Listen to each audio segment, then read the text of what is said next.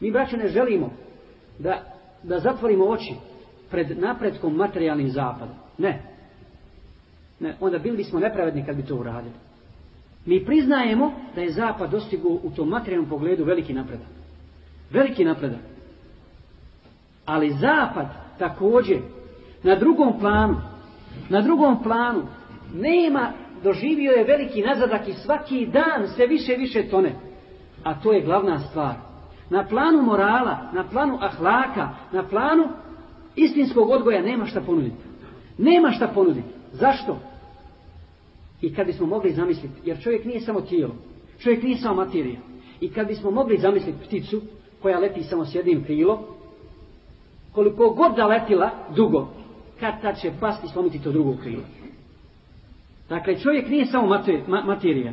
I zapad je ostao nemoćan, nemoćan dakle, pred ovom drugom stvarnošću u životu, pred dušom. Jer stanje duše se ne mjeri, braćo, termometrima, niti bilo kakvim drugim fizičkim zakonima. Čovjek je čovjek po duši, a ne po tijelu. Kad izjeđe duša iz čovjeka, šta se onda kaže za njega?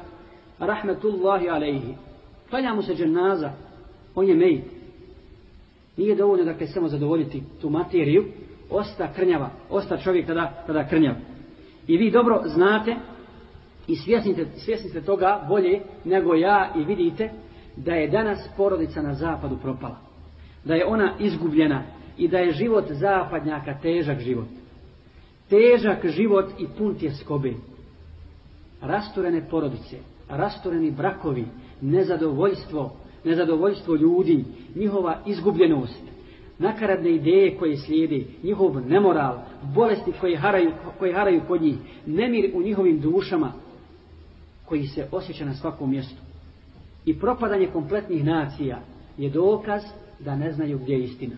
Je dokaz da nemaju šta ponuditi na ovom duhovnom planu.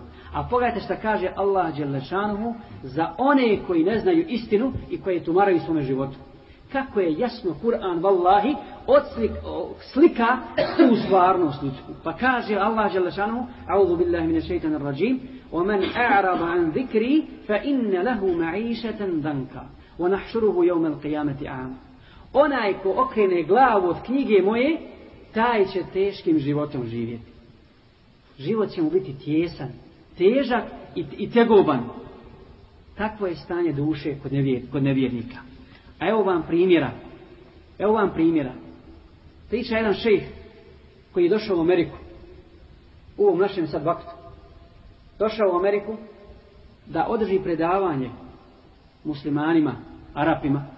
I kaže kad sam došao u mesčit, nakon namaza, a prije predavanja, došao je čovjek, mladić jedan, musliman iz Sirije, sa jednim čovjekom, koji nije klanjao, nije klanjao s nama, Pa kaže, pitao sam šta je, ko je ovaj?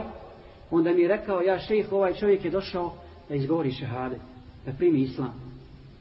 I onda sam ja rekao, dobro, u redu.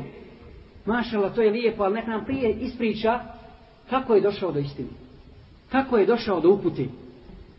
I onda ovaj čovjek priča. Kaže, on je bogataš. Bogataš koji ima svoje tvrtke. Koji ima svoje firme u Americi. I ovaj brat musliman priča kaj ja sam tako mi Allaha kod njega išao. Išao sam kod njega u kuću koja je sva od stakla. Čija jedna, čija jedna strana na moru, druga na kopu. U New Yorku. I kaže, u toj kući ima sve što se na Dunjaluku može poželjeti. Ovaj čovjek nije srećan. I jednoga dana ušao je, na, došao je na moje radno mjesto i zatekao je ovog muslimana gdje pere noge oprao je prije toga ostale dijelove tijela koji se peru u toku abdesta i prao je noge, pa, mi, pa, pa je pitao što, šta to radiš? Zašto pereš noge na radnom mjestu? Kaže, abdestio sam, pa sam oprao ostale djelo i ostalo još noge.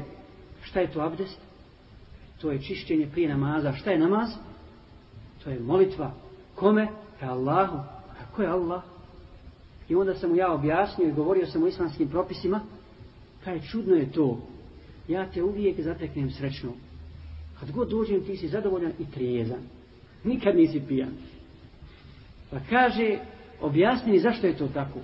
Kaže, što se tiče toga da sam trijezan, meni je Islam zabranio, Allah nam zabranio alkohol muslimani.